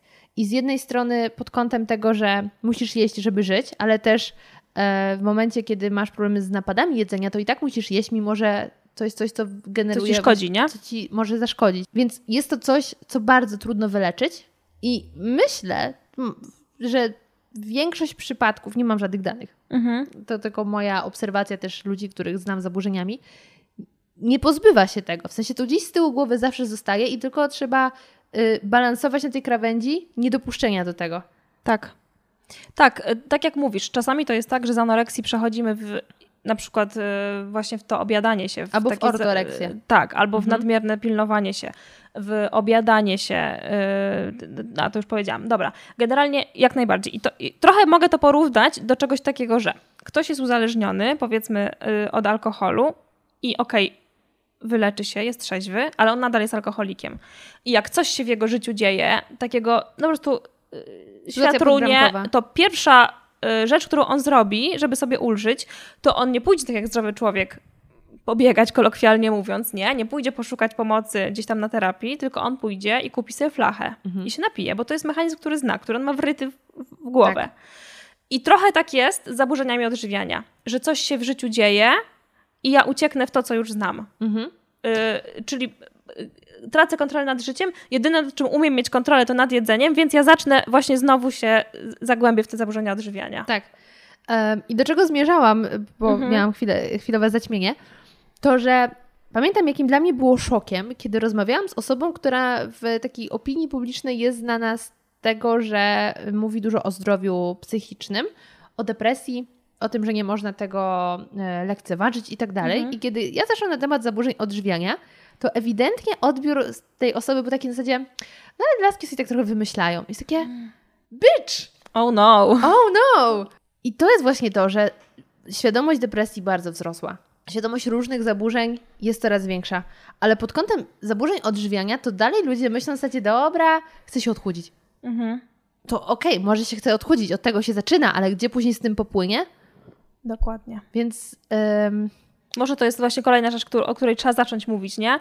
Bo to, to w ogóle to nie chodzi o to odchudzanie w tej całej anoreksji, mam wrażenie, że tylko... może to był początek. Tak, tak, ale to jest coś, że na przykład zaczynam się odchudzać, środowisko widzi, że coś mi zaczyna w życiu wychodzić Tak. i to jest świetny mechanizm, żeby znaleźć, zaspokoić tą swoją potrzebę bycia zainteresowanym, nie? Mhm. Bo nagle się mną interesuje szkoła, a tu pani wychowawczyni się zapyta, co się ze mną dzieje, czy jestem zdrowa, a może w końcu tata zobaczyć, że coś jest ze mną nie tak, a może w końcu mama zauważy, że, że ja żyję, że ja istnieję, Mhm. nie? Więc będę się jeszcze bardziej odchudzać, bo oni się jeszcze bardziej mną zajmą. I, I wreszcie trafiam do szpitala, gdzie powinnam się leczyć, ale ja nie mam powodu, żeby się leczyć, bo ja wreszcie mam wokół siebie swoją rodzinę i swoją grupę wsparcia. Mhm. I mama przestała się kłócić z tatą, tylko są tu razem ze mną, to mi się nie opłaca zdrowieć, Mhm. nie? I to są znowu koło się y, nakręca. I takiej osobie trzeba przetłumaczyć, inaczej ona musi zrozumieć, że to nie jest ten mechanizm, w którym należy y, upatrywać y, sposobu na dobre i zdrowe życie, tylko trzeba tak pracować i z pacjentem, i z jego jakby tym systemem rodzinnym, żeby oni się nauczyli ze sobą dobrze żyć, Mhm. tak? Odpowiadać na swoje potrzeby wzajemne, e, umieć sobie powiedzieć dobre rzeczy, docenić się za to, że po prostu są, nie? Także tutaj problem jest dosyć złożony i to naprawdę czasami nie chodzi o te kilogramy i o te rozmiary, tylko o taki sposób zwrócenia Mhm. e, uwagi Na siebie. na siebie, no. No, y, mój przypadek był inny. Mhm. To, to nie było coś, co się wzięło z domu. Natomiast, y, no jak słuchałam tego twojego odcinka, tak sobie myślałam, że y, brzmi to legitnie. Brzmi to legitnie, że Mhm. ktoś mógł zacząć z tej strony, a później te wszystkie sposoby, które opisywałaś, Mhm. to takie, pff, Come on. co ci mogę powiedzieć. E, no, ale myślę, że gdyby na przykład się okazało, że ja muszę iść do szpitala, pewnie był moment, kiedy powinnam pójść, ale Mhm. to nie nastąpiło, to byłoby to cholernie ciężkie. Nawet ten aspekt, że na początku e, raz w tygodniu możesz dzwonić, Mhm. Czasem tak jest, tak. zapomnij. To nie jest obóz y, ani kolonia wypoczynkowa, dla tylko to kolonie leczenie. były straszne. to właśnie był No ten aspekt. tak, no właśnie. No, trudne tematy. Więc y, bardzo się cieszę, dalej nie, nie zmierzamy do końca, to, to Mhm. tylko taka e, krótka puenta tego wątku. bardzo się cieszę, że o tym mówisz, że powstał ten twój podcast i na fajnych, to złe słowo, na ciekawych i życiowych e, przykładach opisujesz e, sytuacje, które być może dzieją się nawet koło nas, tylko my nie zdajemy sobie sprawy z tego, nie nazwaliśmy tego, tak jak powiedziałeś, że ważne jest nazwanie tego, z czym mamy do czynienia. Em, I gdzieś te stereotypy, te mity wokół tego, co robi psychiatra, są obalane. To wróćmy w takim razie do szpitala. Co było dla Ciebie największym zaskoczeniem w pracy w szpitalu psychiatrycznym, ale pod kątem tego, że spodziewałaś się, że będzie tak, a się okazało, że, że było inaczej? Powiem tak, nie spodziewałam się, że tyle normalnych osób jest w szpitalu. Mhm. Bo znów psychiatria nam się kojarzy z kimś odjechanym. E, Z kimś faktycznie takim typowo obłąkanym, tak jak powiedziałaś, nie? Chorym. A psychiatria to nie jest tylko schizofrenia i to nie jest tylko choroba afektywna dwubiegunowa, gdzie się szaleje i ewidentnie jest się tym wariatem, powiedzmy, Mhm. ale to też jest szereg innych problemów, takich jak zaburzenia lękowe, jak depresje, jak zaburzenia osobowości. To są osoby, które żyją wśród nas, często bardzo każdy dzień jest dla nich walką, jest, y, jest jakimś tam takim a, no walką o przetrwanie po prostu, chociaż wcale tego nie widać. Yy, I przychodzi taki moment, kiedy na przykład już nie dają rady, kiedy targają się na swoje życie na przykład i trafiają do szpitala, gdzie byś w życiu tydzień wcześniej nie powiedziała, że coś jest z nimi nie tak. Mhm. I dużo takich normalnych osób, no normalnych, no bo to są normalne osoby, takie jak, jak my wszyscy, e, jest w stanie się doprowadzić do takiego stanu, że wymaga leczenia. To było dla mnie zaskakujące, rzeczywiście. Okej. Że, że to nie są tylko jakieś osoby nie wiadomo skąd, tylko to są prawnicy, to są lekarze, to są profesorowie, e, to są księża. Cały, prze, cały przegląd e, społeczeństwa Mhm. można spotkać w szpitalu. Ale jak już powiedzia- użyłaś takiego kolokwialnego określenia, powiedzmy normalni ludzie, to chciałabym mm, nawiązać do takiego wątku, który myślę, że czasem zdaje, zdarza się być motywem jakichś horrorów, jakiejś powieści Mhm. e, albo naszych lęków, że ktoś nas, takich no, zwyczajnych ludzi, bez żadnych problemów, wsadzi do szpitala i się zrobi z nas wariatów. Bo ja na przykład słuchałam takiego podcastu kryminalnego u Marcina Myszki, Kryminatorium, gdzie była historia dziennikarki, która w ramach jakiegoś tam śledztwa weszła do szpitala psychiatrycznego, żeby pokazać, co tam się złego działo. To były bardzo odległe czasy. To Mhm. jakieś lata 50., 40., nie pamiętam dokładnie, natomiast dawne czasy, nic współczesnego. I właśnie było, była ta historia w dużej mierze o tym, jak się z ludzi robiło wariatów i w pewnym momencie ty jeśli powiesz, ej, nic mi nie jest, to nikt ci nie uwierzy, bo uzna to za objawę choroby Mhm. psychicznej. Em, I czy ty masz czasem taki, taki strach, żeby przypadkiem właśnie osoby chorej nie wplątać powiedzmy w jakąś chorobę? Hejka, tutaj ponownie Gocha w trakcie montażu. Oczywiście chodziło mi o y, osobę zdrową, a nie osobę chorą. Niezbyt często są takie sytuacje, bo to tak nie jest, że się zdrowych ludzi zamyka w szpitalu yy, na siłę. Raczej często jest tak, że ktoś wymagałby leczenia w szpitalu, ale nie może się w nim znaleźć z różnych przyczyn. Mhm. Natomiast to rzeczywiście ostatnio miałam taką sytuację, gdzie pani była przekonana, że wszystko jest z nią ok i nie wiedziała, dlaczego my ją trzymamy. I ja w pewnym momencie już zwariowałam.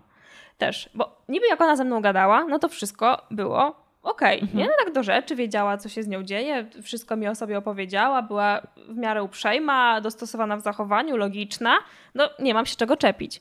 No ale co, no otwieram dokumentację, a tam jest napisane, że na przykład, nie wiem, latała nago po mieście, y, pobiła swojego tatę, y, nie wiem, tam rzuciła się z nożem na y, swojego męża i tam jeszcze nie wiadomo co. No i tak patrzysz na laskę, wszystko z nią ok. Patrzysz na dokumentację, no jakby inny człowiek opisany. No i to są takie sytuacje, gdzie Dysonans poznawczy. Tak, jest taki dysonans, tak, tak. To mi przypomina z kolei inny podcast kryminalny, którego słuchałam. y, Justyny Mazur, ale y, seria zrobiona dla Empik Go. Mhm. O historii sióstr Erikson. Słyszałaś o nich? Tak, chyba słucham tego podcastu, yy, rzeczywiście. Tylko możesz mi przypomnieć, jaki tam był Siostry wątek. bliźniaczki. Mhm. I one tam na autostradzie się rzucały pod samochodem. Tak, tak, tak, tak, wiem, no. I to była taka słuchaj historia, że stwierdziłam, kurde, strach się bać siebie. Bo z tego, co Mhm. Justyna opowiadała, co tam też doszło do mediów, ta kobieta nigdy wcześniej i nigdy później nie miała takich. Co to, co to było u niej? y, Taki stan. Jakiś stan urojeniowy, jakiś taki stan psychotyczny, Tak, coś takiego. Coś, coś takiego, nie? Więc teoretycznie nam też się może to przytrafić, nie? Może, może. Czy da się zrobić cokolwiek, żeby nie wplątać się. Nie wplątać, to złe słowo, w ogóle Mhm. wykreślam. Żeby nie doprowadzić do takiej sytuacji, bo może taki bardzo długi, y, krótki zarys tego, o czym rozmawiamy, bo pewnie większość z Was tego odcinka podcastu nie słuchała. Jest to historia dwóch sióstr bliźniaczek, już dorosłych, kobiety koło 40, tam chyba coś takiego, które w pewnym momencie zaczęły się bardzo dziwnie zachowywać, co doprowadziło ostatecznie do sytuacji, kiedy na bardzo ruchliwej drodze w Wielkiej Brytanii Chyba tak. Mhm. e, zaczęły rzucać się pod samochody. A potem jedna z tych sióstr zamordowała człowieka. I się okazało, że to właśnie był jakiś taki e, odpał jednorazowy. I to była kwestia psychiki. E, sytuacja właściwie działa się w głowie jednej siostry, a druga przejęła to. W Drugie sensie się udzieliło. udzieliło Mhm. się. I kiedy je odseparowano, to tej jednej od razu ustąpiły te objawy. Mhm. Em, I straszna historia, dość współczesna. Nagrania tej sytuacji są w ogóle na YouTubie, bo akurat przypadkiem z policją, która przyjechała na autostradę, była ekipa BBC. Em, niesamowite. Czy da się coś zrobić, żeby zadbać o tą naszą psychikę, żeby pewnego dnia coś nie kliknęło nie w ten sposób? Stuprocentowej gwarancji nikt ci nie da, Mhm. e, że, że nic takiego ci się nigdy nie przydarzy. Natomiast są sytuacje, które absolutnie predysponują do, do tego. I to jest chyba w pierwszej kolejności stosowanie środków psychoaktywnych. Czasami jest tak, że ktoś ma swego rodzaju predyspozycję genetyczną i choroba się e, ujawni, uruchomi po nawet jednym zapaleniu jointa, powiedzmy. Czyli to jest pierwsza kwestia. Nie, przegi- nie przeginać, w ogóle nie wchodzić w, w kontakty z substancjami psychoaktywnymi, nie przeginać z alkoholem. E, wiem, życie jest życiem, oczywiście, no to, to jakby e, loteria.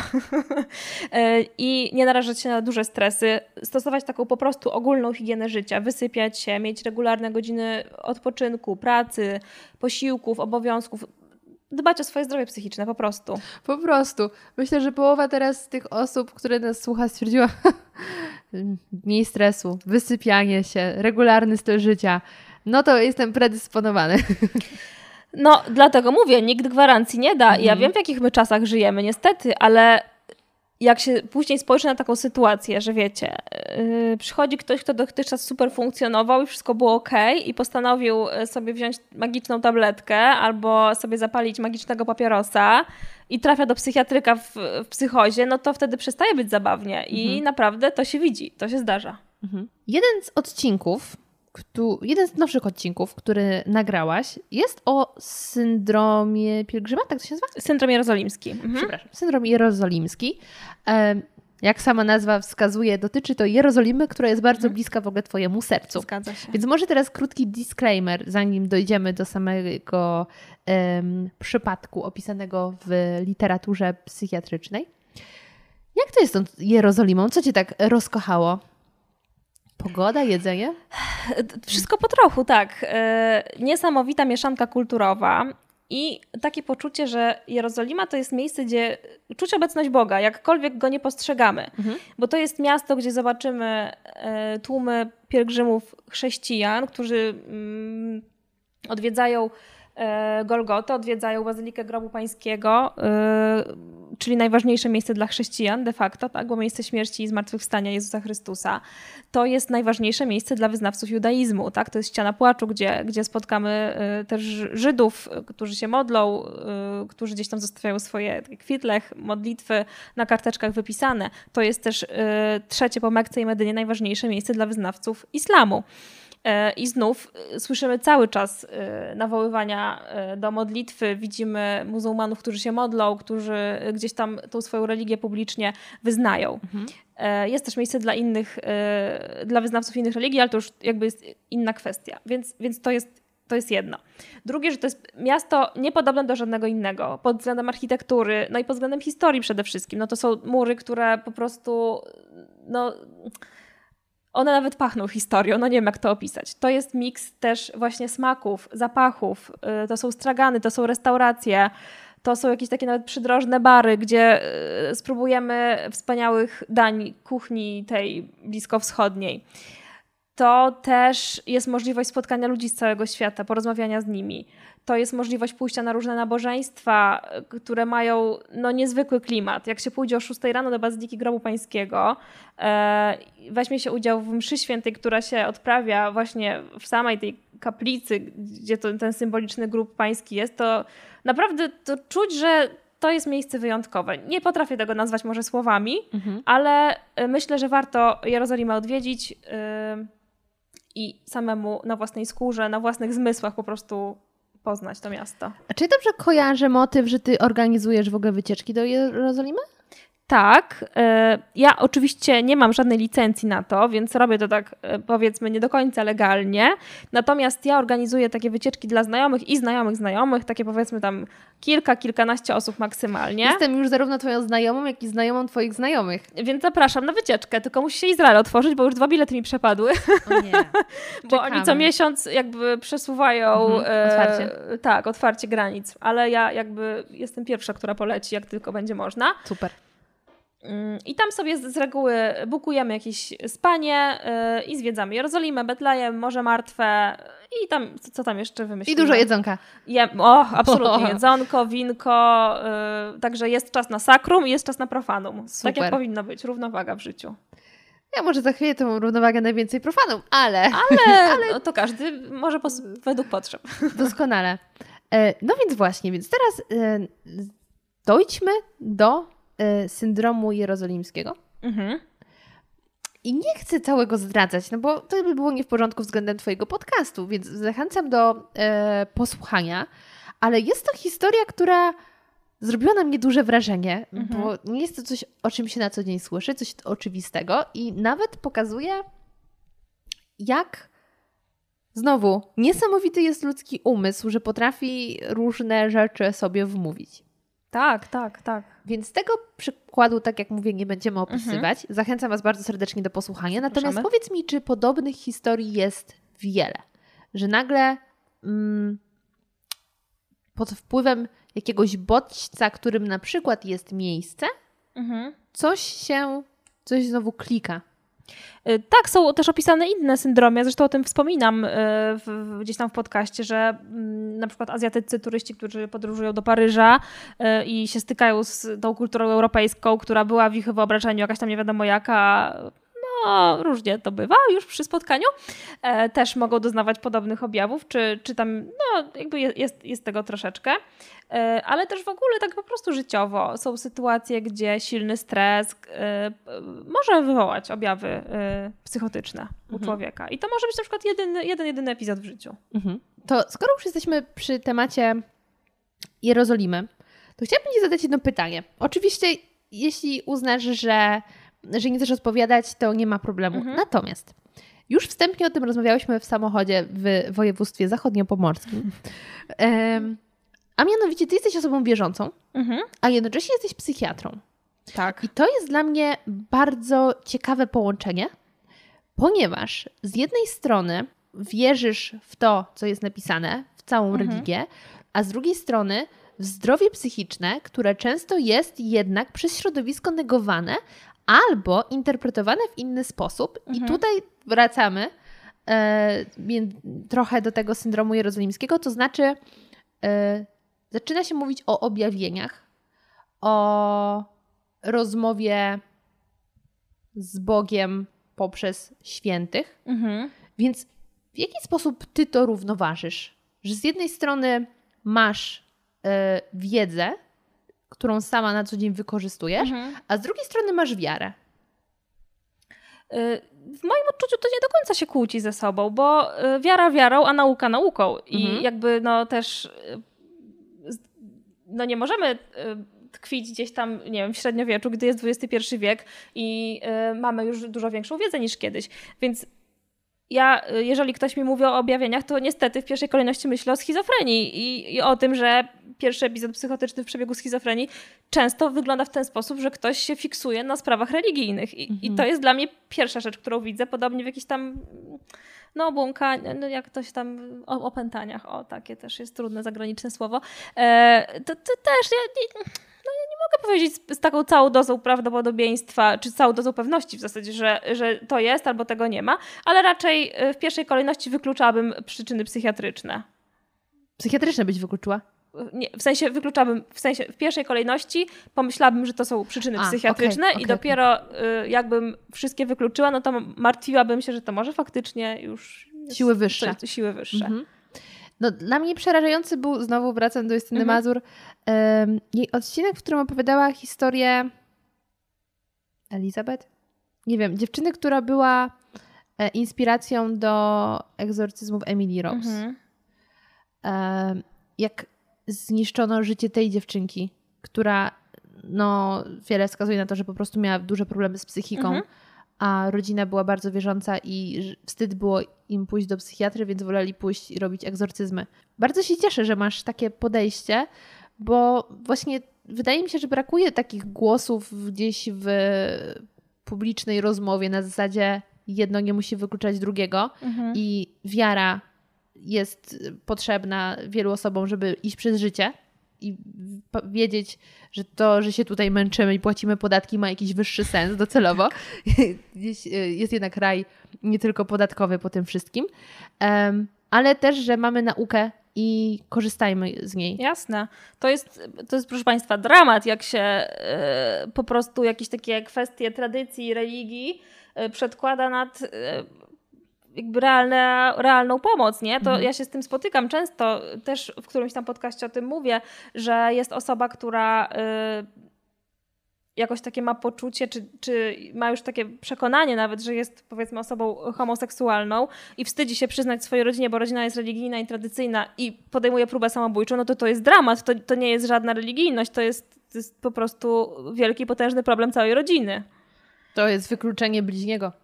Jakby tak, to jest, to, to, to tak nie powinno wyglądać, bo, no bo nie, no to każdy chyba to rozumie.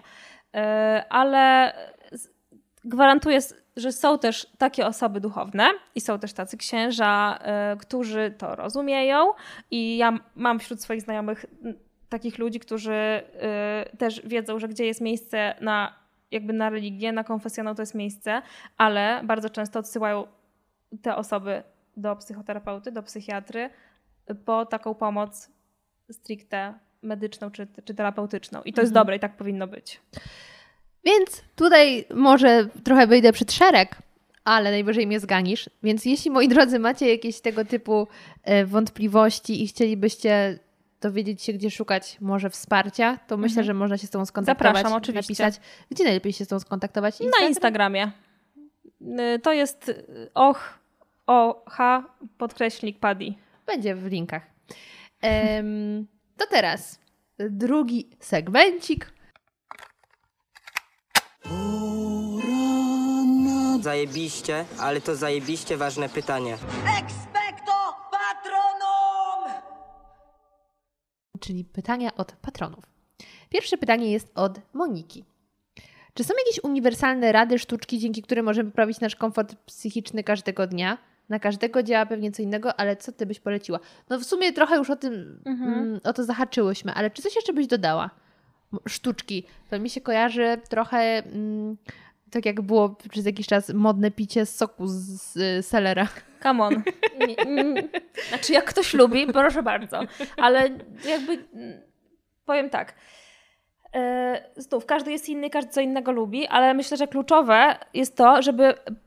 Ja, I to trochę zabrzmi jak z pani domu, ale tak jest, żeby polubić i pokochać siebie i dać sobie prawo do tego, żeby nic nie robić czasami, żeby odpocząć, żeby zrobić coś przyjemnego dla siebie, a nie całe życie tyrać, y, po prostu brać udział w jakimś konkursie, y, nie wiem, o. Nie, nawet nie wiem o co, złote kalesony, w tym, że ja będę więcej pracować, ja mniej się wyśpię, bo po co? Trzeba iść swoją Ale- drogą, robić co do ciebie należy. Zauważyłeś, że w ogóle jest taka trochę moda, żeby mówić, o Jezu, nie mam na nic czasu? Ja ostatnio się zorientowałam, że ja już nie mam potrzeby mówić o Jezu, jak się napracowałam. Ja ostatnio mówię głośno o tym, jak ja dużo czasu marnuję. Że naprawdę mogłabym robić więcej, ale marnując trochę czasu na oglądanie Netflixa, YouTube'a, czuję spokój.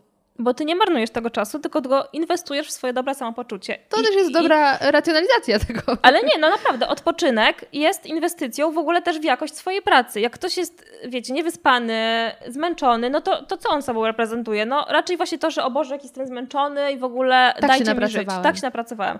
No to, to, to jakby, no nie w tym rzecz. Musi być równowaga.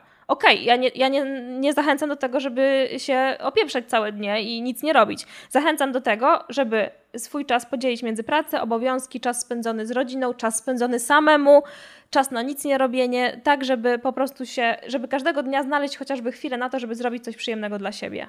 Y, Mamy rok 2021, hasła pod tytułem y, bądź super produktywny możemy już sobie odpuścić. Tak, E, powinniśmy. Czy coś jeszcze byś do tego dodała?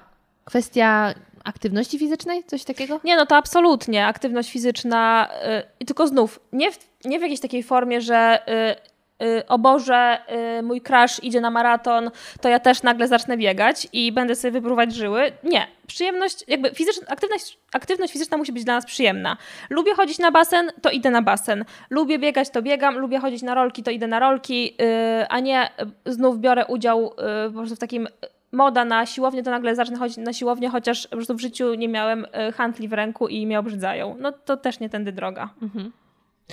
A czy uważasz, że każdy z nas powinien, e, nie na zasadzie powinien, bo tak należy, tylko tak dla właśnie zdrowia psychicznego, mieć takiego swojego ziomeczka, z którym można by poplotkować, ponarzekać, narzekać, słowo narzekać. Czy, czy narzekanie jest dobre dla naszego zdrowia psychicznego?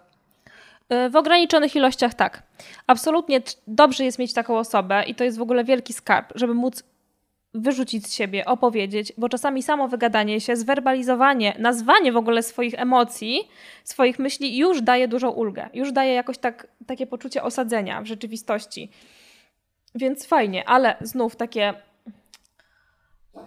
żyganie tym nasze, takie to, nie, nie, nie, takie... nie mówimy o żyganiu, nie mówimy o takim e, byciu stereotypowym Polakiem. tak, to, Tylko takie, że narzekamy sobie przez 15 minut. Nie, okej, okej. Mhm. Wyrzućmy to z siebie jak najbardziej, bo znów y, to, że ktoś potrafi y, wypowiedzieć swoje nieprzyjemne emocje, wyrzucić je na zewnątrz, właśnie ponarzekać, popłakać, nie wiem, poduszką rzucić, to jest bardzo dobre, bo jest szereg takich osób, które nie potrafią tych negatywnych emocji wyrzucić z siebie i ładują je właśnie w autoagresję, na przykład samookaleczają się, e, jakieś tam inne rzeczy takie robią, e, destrukcyjne po prostu, nie? No to, to też nie w tym rzecz. W ogóle mam wrażenie, że Make Life Harder to jest strona oparta na narzekaniu. Że my tam narzekamy na życie i to sprawia, że czujemy się lepiej. Tak, ale to jest w fajnej formie. tak. Ja bardzo lubię Właśnie, akurat. Także to jest moje, mój ulubiony sposób e, narzekania. I drugie pytanie od Moniki. E, Jaki jest stereotyp na temat szeroko pojętego zdrowia psychicznego, który najbardziej Cię wkurza? Na przykład to, że faceci nie powinni, muszą okazywać e, emocji. Mm, Depresję można wyleczyć pozytywnym myśleniem, albo zaburzenia odżywiania zawsze przybierają postać wychudzonej dziewczynki jedzącej pół marchewki dziennie. Czyli który stereotyp najbardziej Cię wkurza, czyli pewnie też najbardziej przeszkadza Ci w pracy. To, że depresja to jest rzeczywiście y, oznaka słabości. I z tym się niestety spotykam, że ktoś do mnie przychodzi i skarży się na to, że nie jest, w- nie jest w domu zrozumiany, że nie ma żadnego wsparcia, bo daj spokój. Inni mają Ogarnij gorzej. się. Ogarnij się, inni mają gorzej.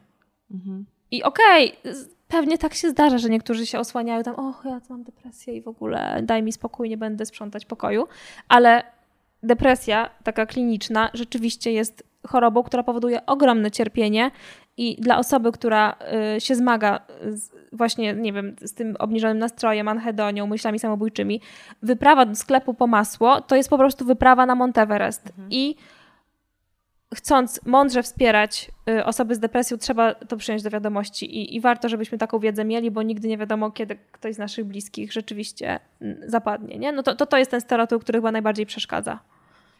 E, Dla mnie właśnie tak, a propos tego, co napisała Monika, to zaskoczeniem na przykład było to, że mężczyźni inaczej trochę przeżywają depresję, że Mhm. u nich częściej to się objawia w agresji.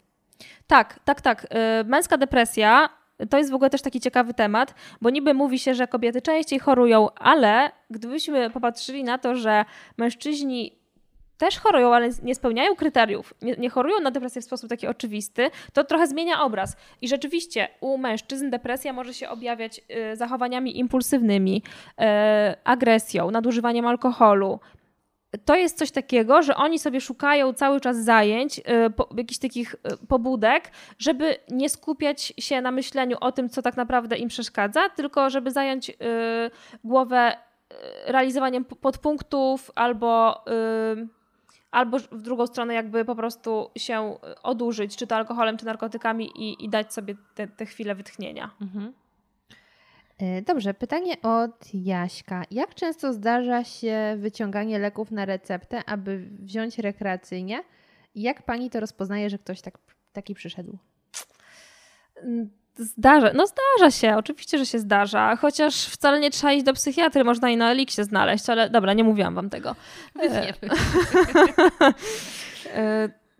Czy to się da rozpoznać? No pewnie nie zawsze, bo jak ktoś się dobrze przygotuje, no to, to powie. E, Ale to są z reguły osoby, które chodzą po różnych lekarzach i proszą. Tu sobie przyjdą do nocnej pomocy lekarskiej, tutaj poproszą lekarza rodzinnego, tutaj sobie pójdą na prywatną wizytę do psychiatry, tutaj się do innego psychiatry umówią na teleporady i powiedzą, że akurat ich psychiatra jest, yy, prawda, na urlopie, więc nie może im przepisać recepty, no to, to można trochę wyczuć. Ale, ale powiedz mi, bo ja jestem, jestem dzieckiem y, jak Alicja Mhm. w Krainie Czarów, żyję trochę w innej y, świadomości. W jakim sensie rekreacyjnie? W sensie ludzie to jak narkotyki biorą? Żeby kopało? Mm, Może trochę tak, no, szczególnie myślę o benzodiazepinach w tym momencie. To są leki, które uspokajają i dają takie uczucie chillu, że jest tak fajnie, przyjemnie, pójdę sobie spać, odpocznę i to jest ten pożądany stan, taki przyjemny. Albo na przykład leki opioidowe, które powodują euforię, że się robi tak przyjemnie, w ogóle fajnie, sympatycznie, też chillowo, ale z takim jeszcze lepszym nastrojem. No i, i rzeczywiście te leki się wyłudza. Y, No, te recepty, te leki, tak. Ja nawet kleju w dzieciństwie nie wąchałam. W sensie... A wciągałaś zozole? Proszek z zozoli? Nie. Nie? Jestem strasznie nudnym człowiekiem. Jak ty się uchowałaś? Orężatki, zozole, palenie zielonej herbaty, no to... to... Nie, też nie. A Jedyne co, to też nie. Właśnie też nie. U nas domu nie było nawet akodiną. Ja za to em, bardzo dobrze wspominam, ale to znowu nie wciągałam, tylko po prostu połykałam. em, o Jezu, jak się nazywało? Ten taki proszek, co się rozpuszczało, witaminki. Wibowit. Wibowit. No tak, no to inny narkotyk dla ale nie przedszkolaków. wciągałam, tak, to tylko no, no, jadłam. Okej. Młody człowiek, mówiłam. Em, I pytanie od Malwiny. W podcaście na temat anoreksji wspomniane było o kontraktach terapeutycznych. Jednym z przywilejów były rozmowy telefoniczne z bliskimi, a w przypadku nierealizowania założeń kontak- y, kontraktu odebranie tego przywileju. Z praktyki lekarskiej wynika, że problemy rodziny i rodzinne relacje nierzadko mają e, jakiś swój udział w ujawnieniu się zaburzeń odżywiania. Czy zatem dobrym pomysłem jest traktowanie tej szczególnie wrażliwej sfery jako karty przetargowej w drodze do zdrowia? Te relacje często bywają problematyczne, co zresztą zostało w odcinku podcastu dobrze wytłumaczone. Co więc sądzi Pani o tym, aby akurat kontrakt, y, kontakty z bliskimi były w systemie nagród i kar? Czy nie jest to niebezpieczne terapeutycznie? Ja może jestem trochę za cienki bolek, żeby aż tak się w to wgłębiać, natomiast no, u nas tak się jakby tak się przyjęło i psychologowie, psychoterapeuci też się pod tymi kontraktami podpisują, więc nie mam takiego poczucia, żeby to dział- mogło być jakieś tam bardzo szkodliwe. I to, że ktoś ma złe relacje z mamą, to wcale nie znaczy, że on z tą mamą nie chce porozmawiać, bo jakby te rozmowy często mają taki nawet wymiar, a przywieź mi to, przywieź mi tamto. E, czy jakby jeszcze takie Podlej kaktusy w E, pokoju. Tak, tak, tak, tak, ale to też może być te kwestie różnych, wymuszania różnych rzeczy na rodzicach, e, też jako e, to, że jestem w szpitalu, jestem biedna. Teraz masz mi kupić nowy telefon albo Mhm. coś takiego, nie? Także no i to też jest jedna z niewielu rzeczy, które możemy dać lub odebrać w kontekście pobytu w szpitalu, więc to sprawdza się raczej ta Mhm. opcja. Y, No to w takim razie Chociaż koniec. oczywiście jeszcze powiem, że to jest indywidualne. To nie jest tak, że my każdemu dajemy taki sam kontrakt. My to omawiamy najpierw i z rodzicami, i z pacjentem, i w naszym gronie. I jeżeli uznajemy, że akurat dla kogoś y, te rozmowy są jakieś tam szczególnie ważne, no to, to, to tak nie jest, nie? No bo powiedzmy, jeśli dzieje się w, domu jakaś taka sytuacja, że ktoś jest bardzo chory i, i ten pacjent potrzebuje mieć kontakt z rodziną, no to absolutnie my go, my go nie będziemy odbierać, no bo to też nie o to chodzi, żeby na złość komuś robić, nie? Jasne. Em, No i tym rocznym akcentem zakończyliśmy kącik Expecto Patronum, także drodzy patroni, bardzo dziękuję za pytania i za Wasze wsparcie. E, I wracamy teraz do naszej już tutaj głównej e, rozmowy.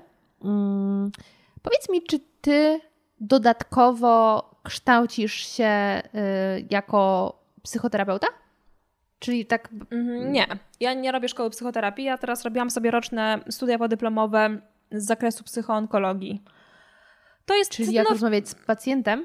tak, to jest y, praca z pacjentem onkologicznym y, z, oraz z rodziną pacjenta onkologicznego oraz z rodziną w żałobie, tak? Czy, czy w ogóle osobami Mhm. y, w żałobie. A czy ty potrzebujesz tego?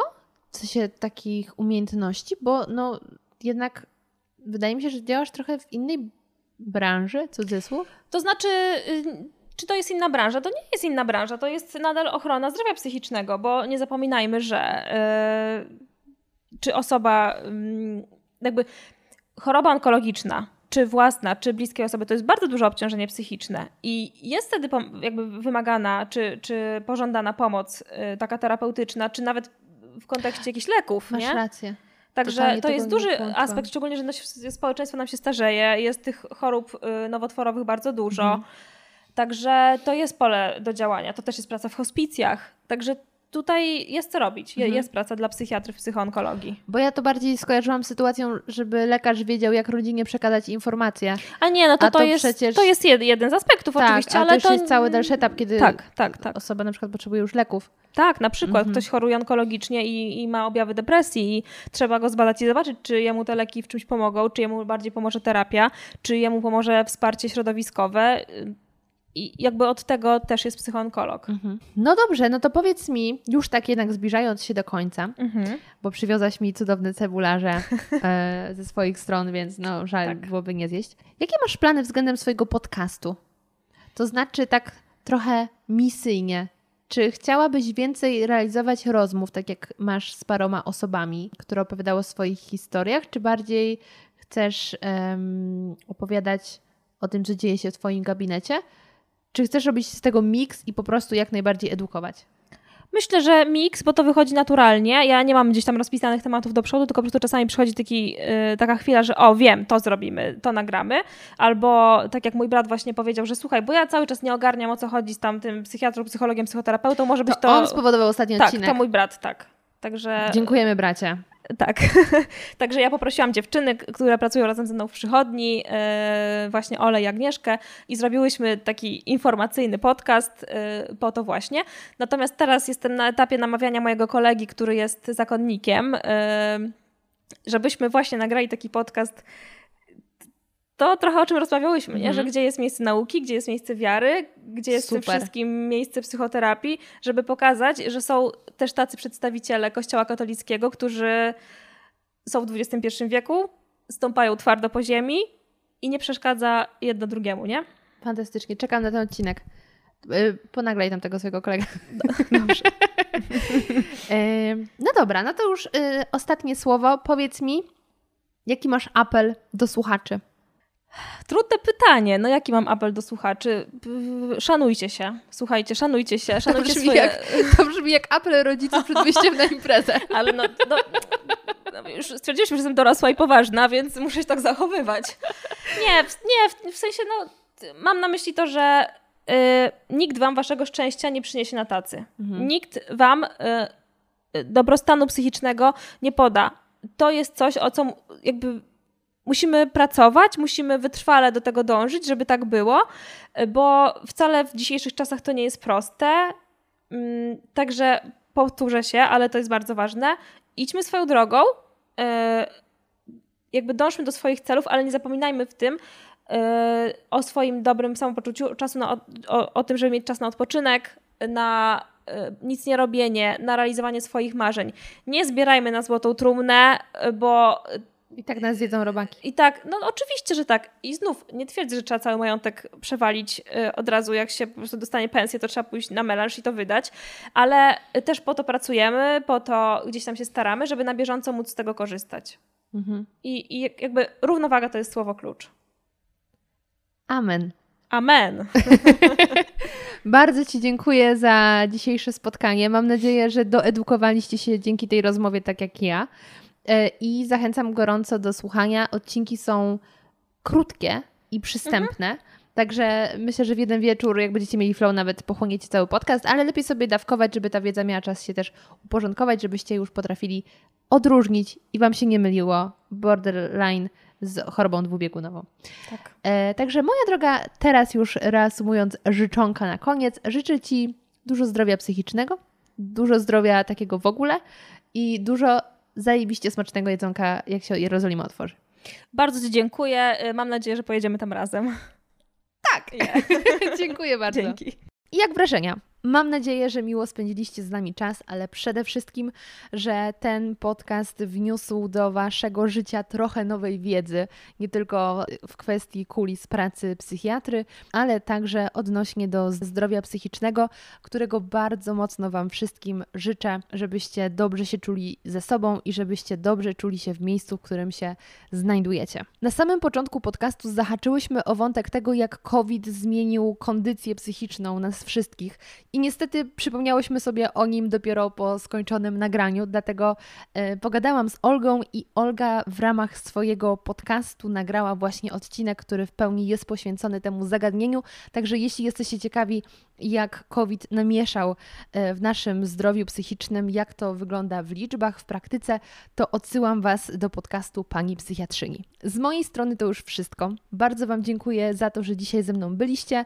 Jeśli chcielibyście posłuchać mnie więcej, to oczywiście przypominam o moim drugim podcaście, czyli podcaście Zmacznego, gdzie opowiadam nieznane historie o bardzo znanych produktach i potrawach, a także jestem prowadzącą podcastu Strefa Kultur Uniwersytetu SWPS, gdzie razem z moimi gośćmi mierzę się z różnymi tematami związanymi z popkulturą. Ponadto możecie mnie znaleźć na Instagramie zmaczne.go, gdzie e, to w wiadomościach prywatnych, a także pod mailem podcastradioaktywny.gmail.com czekam na Wasze odkrycia, ciekawostki z dupy do naszego segmenciku O czym Ty do mnie rozmawiasz? To już wszystko z mojej strony. Bardzo Wam dziękuję i do usłyszenia już niedługo.